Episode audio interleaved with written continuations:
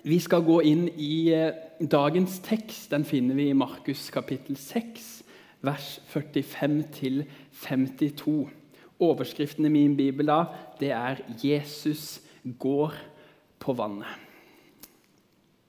Rett før eh, dette avsnittet eh, så har Jesus metta 5000 mennesker. Han eh, og disiplene reiste egentlig bort til et øde sted, men eh, de ble funnet av folkemengden, og 5000 foruten kvinner og barn står det. De møtte opp, og Jesus han forkynte for, eh, for folkemengden. Og så dro det mot kveld, og folket ble sultne. Og en liten gutt kommer med nistepakka si til, eh, til Jesus og til disiplene. Um, og Jesus velsigner fem små brød og to små fisk. Og det blir mat til alle som er der. Dette skjer rett før det vi nå skal lese. Straks etter fikk han disiplene til å gå i båten og dra i forveien over til den andre siden mot Betzaida, mens han selv sendte folket av sted. Da han hadde tatt farvel, gikk han opp i fjellet for å be. Da kvelden kom, var båten midt ute på sjøen, og Jesus var alene på land. Han så at de slet hardt med å ro, for de hadde motvind. I den fjerde nattevakt kom han til dem gående på sjøen. Han ville gå dem forbi, men da de fikk se ham der han gikk på vannet, trodde de det var et gjenferd, og skrek høyt. For alle sammen så ham og de ble skrekkslagne. Men i det samme talte Jesus til dem og sa, 'Vær ved godt mot. Det er jeg. Vær ikke redde.' Så steg han opp i båten til dem, og vinden stilnet. Men de var helt ute av seg av forundring, for de hadde ikke fått forstand av det som var skjedd med brødene. Hjertene deres var harde. Jeg syns det kan være utrolig spennende å se eh, sammenhenger mellom det som står i Gamle testamentet og det som vi leser i Nye testamentet, og dra noen paralleller der. Exodus er et av mine favorittord, for det er så kult. Er det noen som vet hva det betyr? Det betyr utvandring. Um, og Det er gresk. Eh, og På mange språk så kaller de bare andre Mosebok for Exodus. For der står det om Israels utvandring av Egypt. Israelittene hadde vært slaver i Egypt, og så rømmer de. De vandrer ut av Egypt. Og så følger vi israelittene 40 år i ørkenen.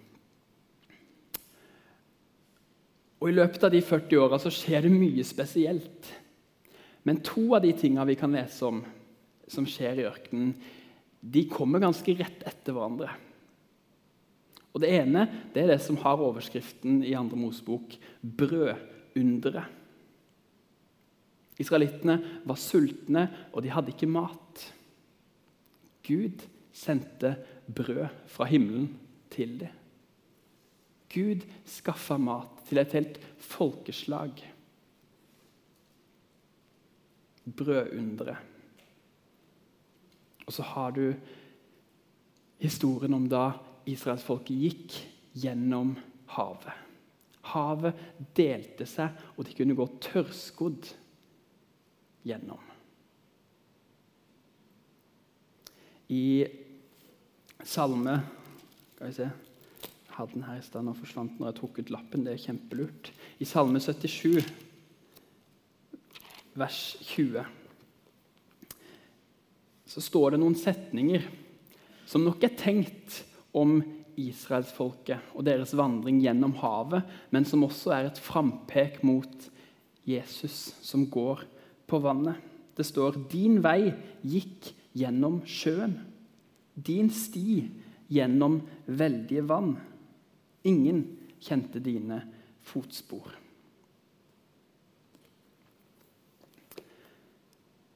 Og så skal vi gå videre nå til tre punkt som vi kan ta ut fra den teksten i Markus evangeliet. Men jeg hadde tenkt å ha det her som en del av innledninga, for jeg syns det er litt interessant å se at den guden, den Jesus vi leser om i Nytestamentet, det er han samme som Gud i Gamle testamentet.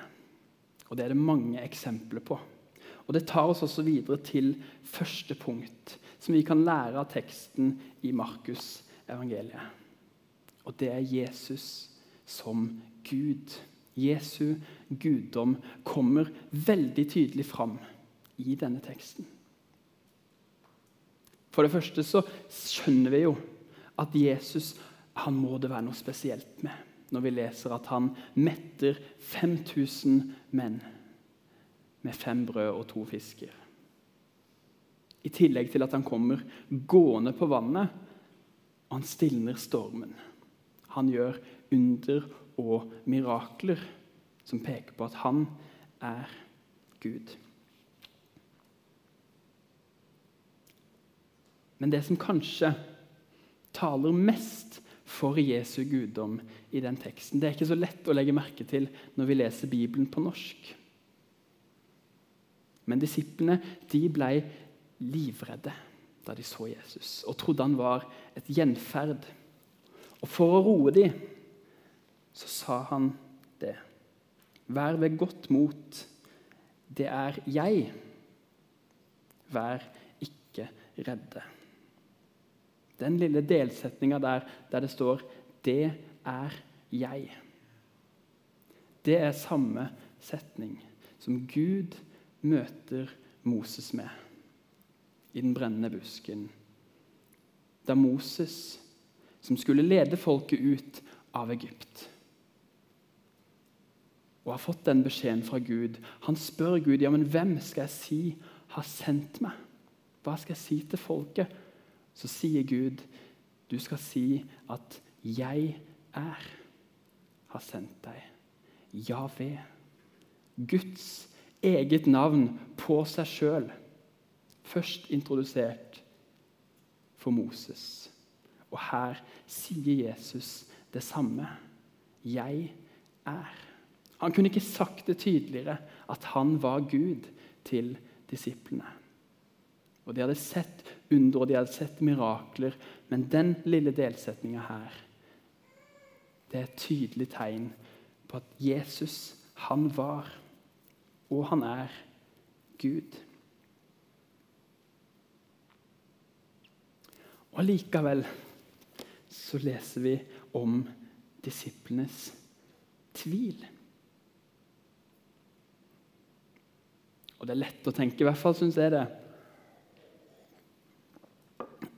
at det er jo ikke mulig å tvile når du har vært med på det du har vært med på. Alt det de har fått sett, alt det de har fått oppleve. Senest samme kveld har de sett at Jesus får fem brød og to fisker. Han velsigner det og gir det til disiplene. Og de deler ut de går, de går sikkert, Det er 5000 menn foruten kvinner og barn. De går sikkert i flere timer og deler ut fra kurvene. Til alle sammen. Deler ut. Alle spiser seg mette. Og så samler de inn maten som er igjen, og det står at det var tolv fulle kurver igjen. Mye mer enn det de hadde starta med. De hadde fått tatt del i et så stort mirakel at det er vanskelig å skjønne det. Og Allikevel er disiplenes første reaksjon da de ser noen komme gående på vannet, at dette er et gjenferd. De tenker at det er mer sannsynlig enn at det er Jesus. Og Det står det også i teksten her at de hadde ikke eh, fått forstand av det som var skjedd med brødene. Hjertene deres var harde. Så kan vi tenke så rart. Og så tenker jeg litt lenger, og så kjenner jeg meg egentlig veldig godt igjen. For så mange ganger at jeg har sett Gud gjennom det han har skapt i naturen. Senest nå på tur. Fantastisk natur, fantastisk plass som jeg nekter å tro er tilfeldig, at det har bare lagt seg til rette sånn. Jeg har fått oppleve Gud gjennom andre mennesker, deres godhet og kjærlighet og omsorg.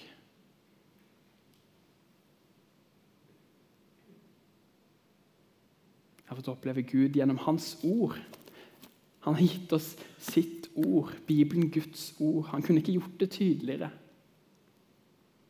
Jeg har fått oppleve Gud for to måneder siden gjennom barneskrik for første gang. Det kan ikke bli sterkere. Og allikevel så kan jeg kjenne på tvil, på frykt og på redsel.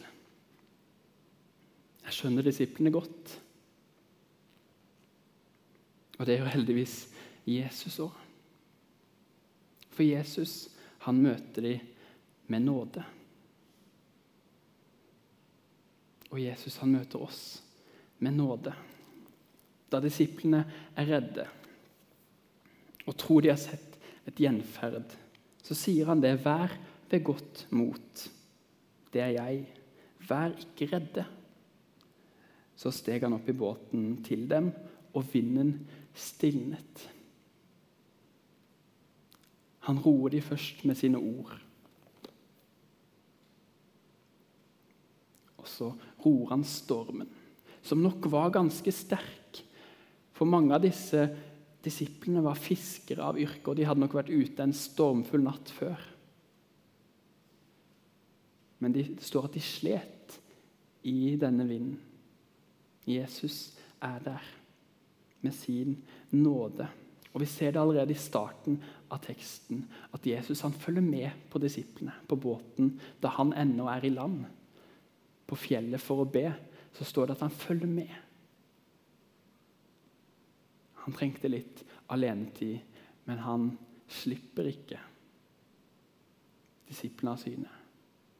Han følger med på dem.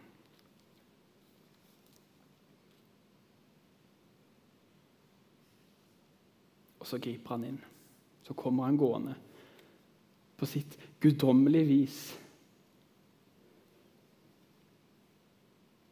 Jeg tror han følger med på oss. Jeg tror han følger med på deg. Ikke for å komme med pekefingeren når du gjør noe galt, men for å gripe inn når du trenger en hjelpende hånd. Når stormen blir for sterk. Når det er vanskelig å ro i motvind. Når du er redd, og når du er nedfor. Og Av og til så drøyer han helt til den fjerde nattevakt, sånn som han gjorde her. Så seint som mulig. Og vi vet ikke alltid hvorfor han gjør det. Hvorfor han drøyer. Men jeg tror på en Gud som vil gripe inn i din situasjon. Som vil komme med sin nåde og sin kjærlighet. Han følger med, og han ønsker å gripe inn.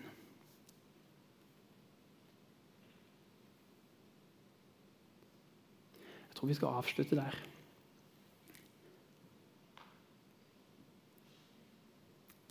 Jesus, han, han er Gud.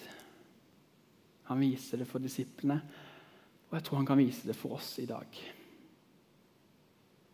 Og Likevel så er det lett å tvile. Og vi kan ha spørsmål, og vi kan være redde, og det er helt naturlig og det er helt menneskelig. Og da er det fantastisk å vite at Jesus, han er nådig. Og selv om vi ikke fortjener det, så vil han gripe inn. Jeg skal be. Takk, Jesus, for at du følger med for at ditt blikk aldri slipper oss.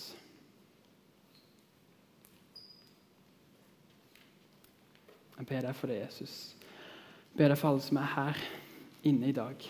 At vi skal få kjenne på det. At du er nær. At du følger med.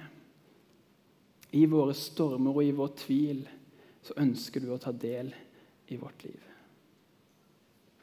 Takk for det. Amen.